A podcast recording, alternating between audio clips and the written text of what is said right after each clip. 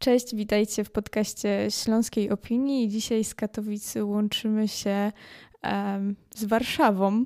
Jest ze mną Jadwiga Klata, działaczka, aktywistka ruchu Solidarności Klimatycznej i wy nie widzicie, ale ja widzę na podglądzie kamerki, że jest też z nami kot Gustaw, więc może to będzie e, również jakiś głos w rozmowie, także wszelkie miauczenia są usprawiedliwione.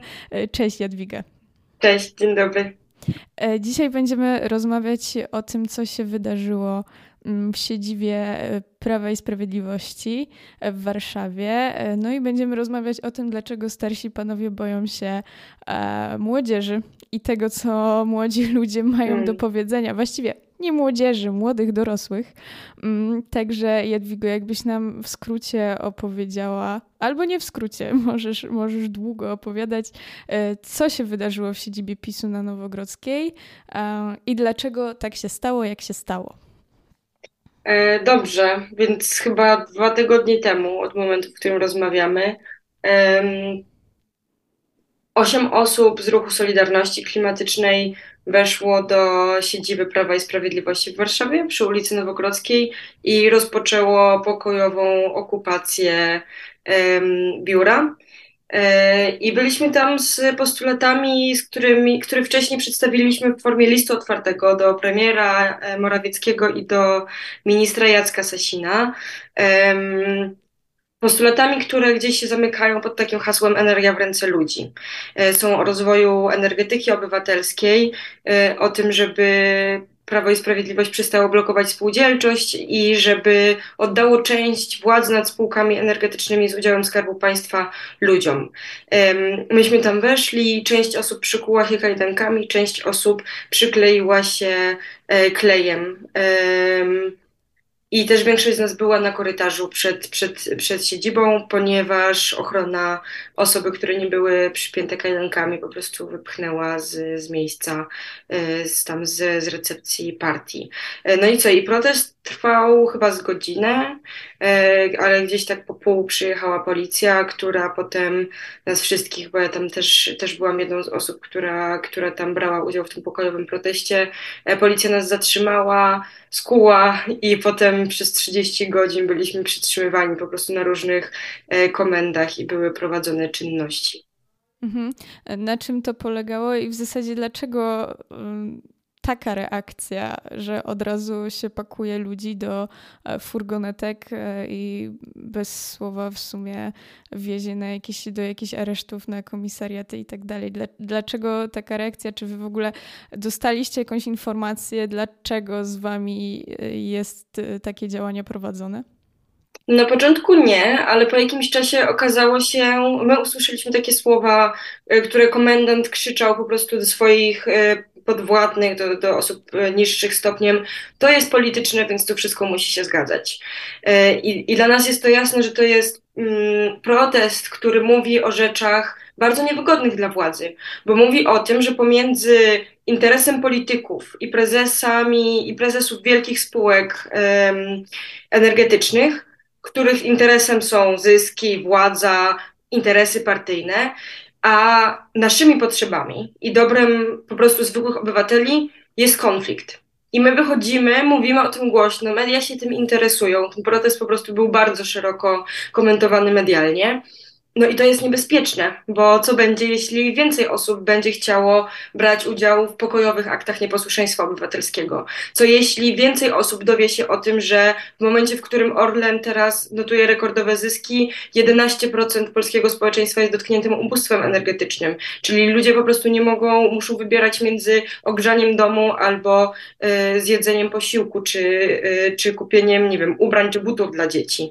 Y, więc to jest, to jest coś, co jest dla władzy niebezpieczne niebezpieczne. To jest niebezpieczne, że my jesteśmy ludźmi, którzy działają pokojowo, a nie wchodzą i robią jakąś rozróbę, tylko merytorycznie najpierw wystosowują list, mówią o potencjalnych rozwiązaniach, o spółdzielniach, o panelach obywatelskich, o nowych kryteriach, które mogłyby obowiązywać przy wyborach do takich rad nadzorczych spółek energetycznych. Mm, I to jest niebezpieczne, bo nagle przychodzi ktoś, kto mówi merytorycznie, kto mówi spokojnie, kto mówi bardzo stanowczo, rzeczy, które no, są, są niewygodne i których Prawo i Sprawiedliwość nie chciałaby, żeby inne osoby słyszały, a tym bardziej społeczeństwo obywatelskie. Mhm. Czego oni się boją? No, myślę, że oni się boją tego, że ludzie zobaczą, że są oszukiwani, że, że jakby wielcy po prostu prezesi spółek, że ministrowie, że Daniel Obajtek, że Jacek Sasin, że PGNiG, że ci ludzie bogacą się naszym kosztem. Mm, Boją się oczywiście stracić głosy, bo teraz jest rok wyborczy, więc bardzo warto mówić o takich rzeczach i rozliczać PiS z tej polityki energetycznej. Y, I boją się po prostu stracić pewnie jakąś twarz i stołki i władzę. No bo my mówimy jasno, że energia to jest władza. Osoba, która kontroluje energię, która może teraz zdecydować, że ja będę płacić po prostu horrendalne rachunki za energię, więc na przykład nie będę mogła sobie na nią pozwolić, albo że w ogóle nie będę miała dostępu do tej energii, ta osoba ma nade mną władzę. Więc jeśli te postulaty, które my wysuwamy, na przykład rozwijania spółdzielczości energetycznej, albo tego, żeby to ludzie decydowali o polityce energetycznej państwa, mm, to wtedy, jeśli to się wydarzy, to wtedy politycy i ci prezesi spółek tracą część swojej władzy, tracą jakąś kontrolę nad tym. I wtedy obywatele mogą powiedzieć: hej, ale my chcemy zielonej energii, hej, ale my chcemy taniej energii, chcemy dostępnej energii, chcemy mieć energię z naszych dachów albo z wiatraków, które stoją e, tutaj bardzo blisko naszych domów, a nie, nie wiem, ropę z Rosji, ropę z Kataru, czy, czy węgiel, który jest sprowadzany z Kolumbii. Mówisz o panelach e, obywatelskich, o tej energetyce opartej na spółdzielczości. Co ja, jako zwykły człowiek, mogę zrobić w tym kierunku, żeby w końcu, za nie mówię jutro, bo pewnie jest to niemożliwe, mhm. ale przynajmniej za te 5-10 lat e, móc sobie pozwolić na zieloną energię, czy to mieszkając poza miastem, czy w mieście. Co dzisiaj mogę zrobić?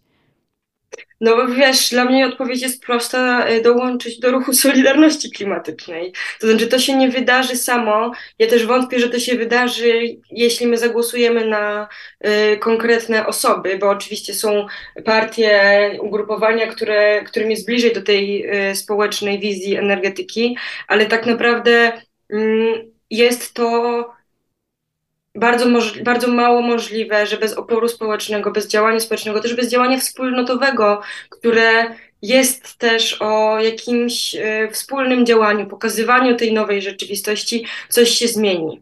E, więc, więc dla mnie odpowiedzią jest wejście na stronę solidarnośćklimatyczna.pl, zostawienie tam swojego kontaktu, przychodzenie na kolejne protesty, przyjście na spotkania, włączenie się w kolejne działania, mm, bo te działania nie są tylko dla ludzi młodych, albo nawet tylko dla ludzi, którzy gdzieś e, chcą zdecydować się na, na nieposłuszeństwo obywatelskie, bo myśmy dosłownie kilka dni po tym, jak, jak wyszliśmy z aresztu, zorganizowali legalny marsz, który był w Warszawie, na którym najmłodsza osoba, która brała udział w nim, miała 5 tygodni, a najstarsza miała 65 lat. Więc to naprawdę jest działanie, które jest dla każdej osoby. Powiedziałyśmy y, trochę o tym, jakie są Wasze postulaty, dlaczego władza y, boi się nas, ludzi, i boi się tej prawdy o energetyce, e, ale mamy w Polsce mm, taki swoisty kociołek, E, bo jakby no, węglem stoimy i wydaje mi się, że e, politycy bardzo boją się powiedzieć prosto w twarz, że słuchajcie, 2030 rok e, to jest ten rok i koniec z węglem w tym kraju. Mm, bardzo się tego boję, bo to jest już za chwilę tak naprawdę, a ta sytuacja i polityczna i społeczna jest na tyle nieuregulowana, że odcięcie takie natychmiastowe tego węgla będzie dla wielu ludzi nie do przejścia i to też będzie stanowiło kolejny e, problem. Jaki jest pomysł młodych ludzi na energetykę? Jak to powinno wyglądać i co powinno się zmienić konkretnie? Mm. Ja, ja, nie chcę tak mówić za, za, młodych ludzi, bo też to warto wspomnieć, że ruch Solidarności Klimatycznej jest ruchem międzypokoleniowym. Młode osoby brały tam udział w proteście, bo to nam jest najłatwiej wejść i zrobić coś, co jest mm, nie, jakieś niesztampowe, ale merytoryczne przygotowanie, działanie w strukturach i w ogóle to też są osoby, które, które są starsze. Super powiedziałaś o tym, że to jest też energetyka to jest też sytuacja społeczna. To też dotyczy tego, jak stabilnie mamy w tym państwie. Mm, I dlatego my mówimy, i dlatego nasze postulaty teraz, nawet te dotyczące spółdzielczości, opierają się o panel obywatelski, który jest jakimś narzędziem dla mnie zachowania stabilizacji społecznej, w którym wszyscy obywatele, czy raczej ich reprezentatywna jakaś grupa mogą podejmować decyzje, mogą najpierw się uczyć, potem rozmawiać, a potem właśnie wypracowywać jakieś konkretne rozwiązania. Dlatego to jest dobre rozwiązanie według nas i dlatego według nas o polityce energetycznej i o zmianach, które powinny zajść też y, w związku z transformacją sprawiedliwą, powinny, powinni decydować obywatele i powinno to być rozwiązane za pomocą panelu obywatelskiego, że wtedy mamy po pierwsze wiedzę, po drugie, mamy wspólnotę, która się wytwarza i która siebie słucha, bo jeśli ja jako obywatelka jestem w takim procesie decyzyjnym, to nie reprezentuję tam moich interesów partyjnych albo nie reprezentuję tam, nie wiem, interesów jakiejś grupy, jakiegoś lobby, które za mną stoi, tylko swój, jako Jadwigi, jako, nie wiem, Hani, Marii, nie wiem, Henryka, osób, które po prostu biorą w udział w tym panelu. E, no i po trzecie mamy tam też legitymizację społeczną. Jeżeli losowo wybrana grupa obywateli, którzy reprezentują w ogóle obywateli i obywatelki całej Polski podejmie na przykład decyzję o tym, że okej, okay, przekształcamy kopalnie w spółdzielnie i wtedy górnicy decydują o tym, w jaki sposób i w jakim tempie chcą przechodzić transformację energetyczną, to wtedy jest o wiele większe prawdopodobieństwo, że wszyscy powiedzą: OK, tak, robimy to, ponieważ ta decyzja została podjęta przy pomocy naukowców i została podjęta przez ludzi takich jak ja, a nie przez panów w garniturach, którzy są zamknięci na wiejskiej. Mm, więc chyba dla nas to jest odpowiedź. Sięgnięcie jakoś do do głę, głę, jakby głębiej jeszcze niż tylko rozwiązania techniczne, tylko że okay, mamy naukowców, mamy think tanki, mamy NGOsy, które gdzieś te rozwiązania techniczne mogą podpowiedzieć, ale niech to ludzie zadecydują. I dlatego też mówimy o tej spółdzielczości, że w spółdzielniach jest tak, że y, to osoby, które pracują w danym zakładzie na przykład, podejmują decyzję o jego przyszłości, bo te osoby mają rozeznanie w tym, co się tam dzieje, jak wygląda sytuacja i chcą reprezentować swój interes, a nie tylko to, żeby mieć więcej zysków. Mhm. Wydaje mi się, że jakby ten społeczny dialog będzie możliwy, kiedy ci nieprzekonani e, usłyszą argumenty drugiej strony i, i postarają się nie tyle je zrozumieć, co może e, początkowo przyjąć do wiadomości, że, że ta druga strona istnieje i że to nie są zielone wymysły z Brukseli, e, tylko realne nasze tu i teraz. Jak przekonywać tych nieprzekonanych? Zbliżają się święta, rodzinny stół, wszyscy wiemy o co chodzi. E, jak rozmawiać z naszymi członkami rodziny, ale też znajomymi, obcymi ludźmi o tym, że ta energetyka no za 10 lat nie będzie wyglądać tak jak teraz i, i każdy musi być mniej więcej na to gotowy. Hmm, to trudne pytanie.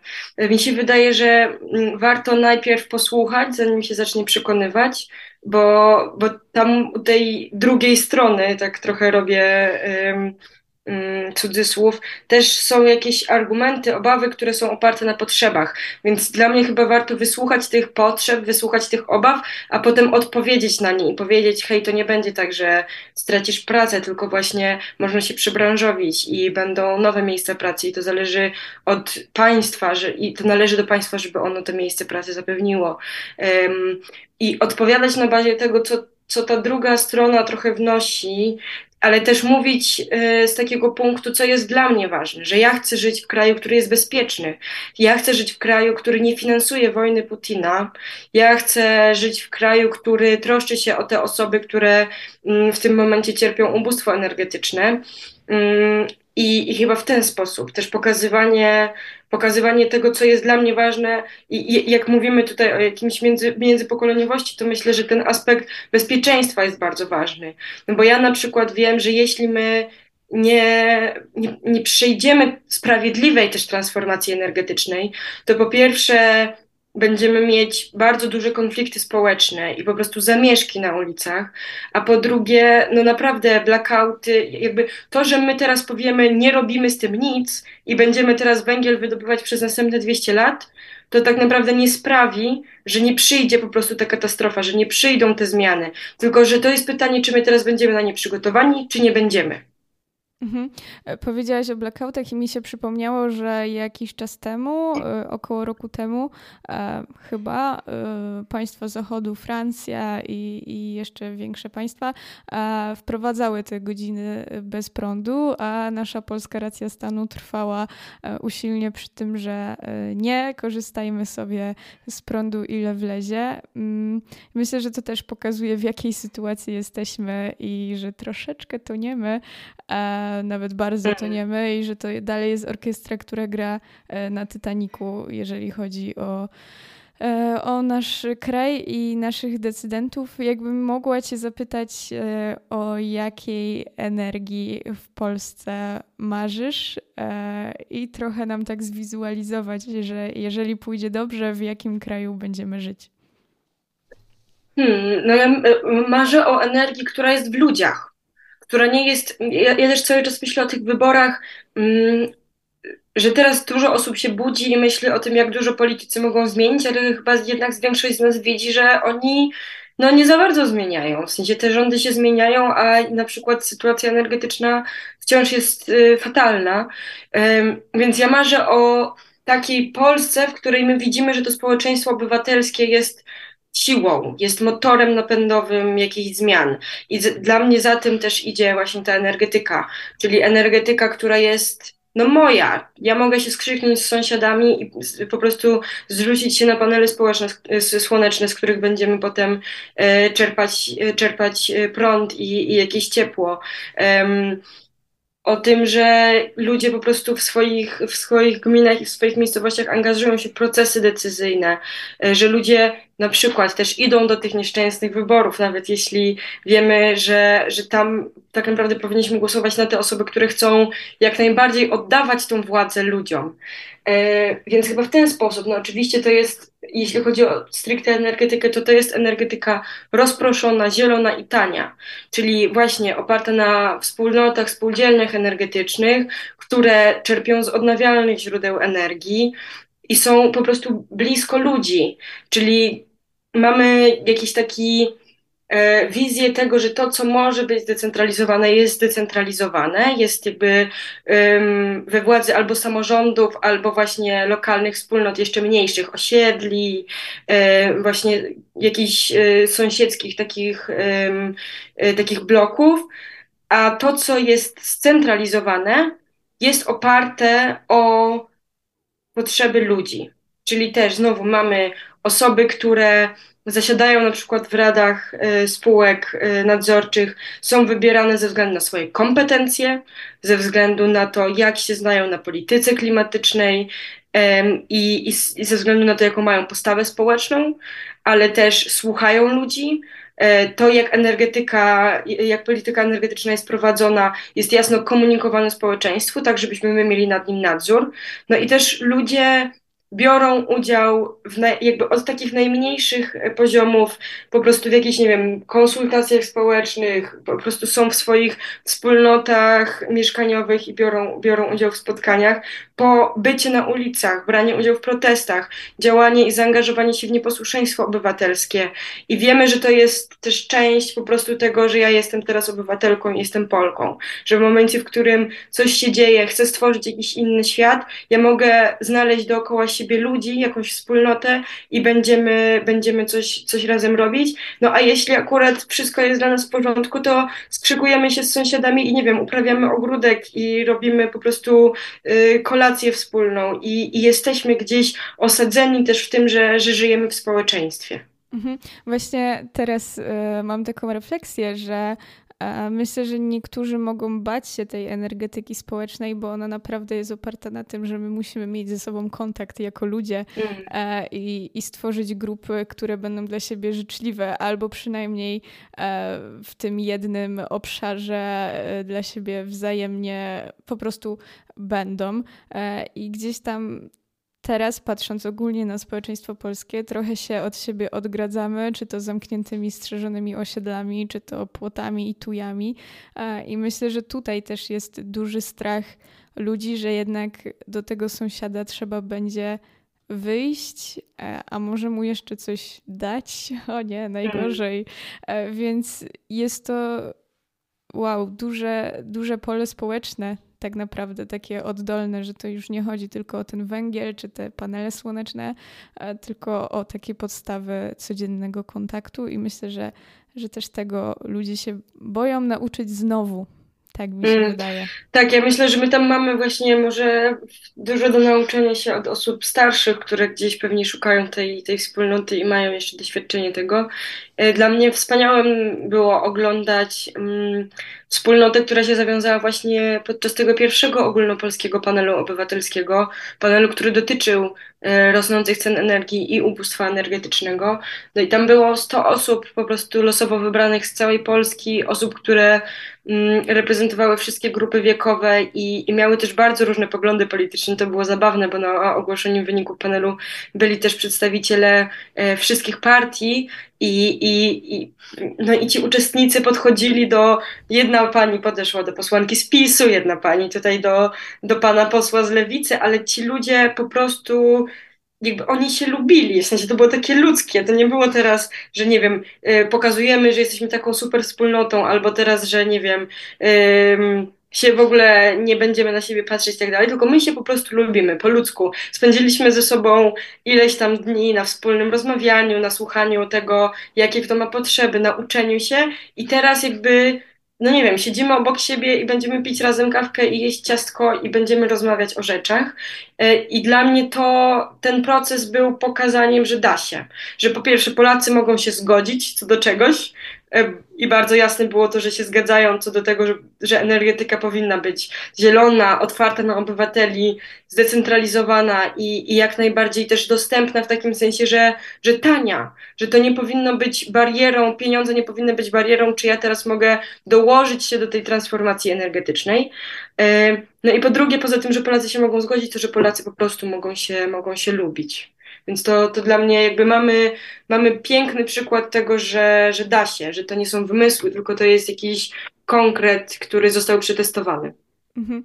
Co dalej z naszą energetyką? Już tak zmierzając y, do brzegu, um, jakie będą dalsze działania ruchu Solidarności Klimatycznej, um, no i co nas czeka w dobrej i złej wersji? Uch, o tej dobrej wolę myśleć. W sensie, wiesz, o złej, o złej wersji, złej wersji po prostu czekają nas wojny, głód, susze, blackouty i takie ceny, takie ceny też żywności i energii, że ludzie po prostu będą na ulicę wychodzić nie dlatego, że chcą lepszego świata, tylko dlatego, że chcą komuś łeb rozwalić. E, I, i to jest świat, którego ja się bardzo boję. Dlatego, dlatego działam na rzecz tego innego świata. My w tym momencie w ruchu Solidarności Klimatycznej będziemy dalej działać z nieposłuszeństwem obywatelskim, ale też e, będziemy, wchodzimy w taki etap organizowania się na podstawie taktyk relacyjnych, na podstawie rozmów, otwierania spotkań w domach i, i mówienia o tym, jakiego, jakiego świata chcemy i jak możemy razem działać. Więc będziemy tą wspólnotę, o której mówimy, będziemy ją budować bardzo, um, tak bardzo od podstaw i po, po kolei, po to, żeby przy następnym działaniu, przy następnym nieposłuszeństwie obywatelskim albo podczas następnego marszu było nas coraz więcej.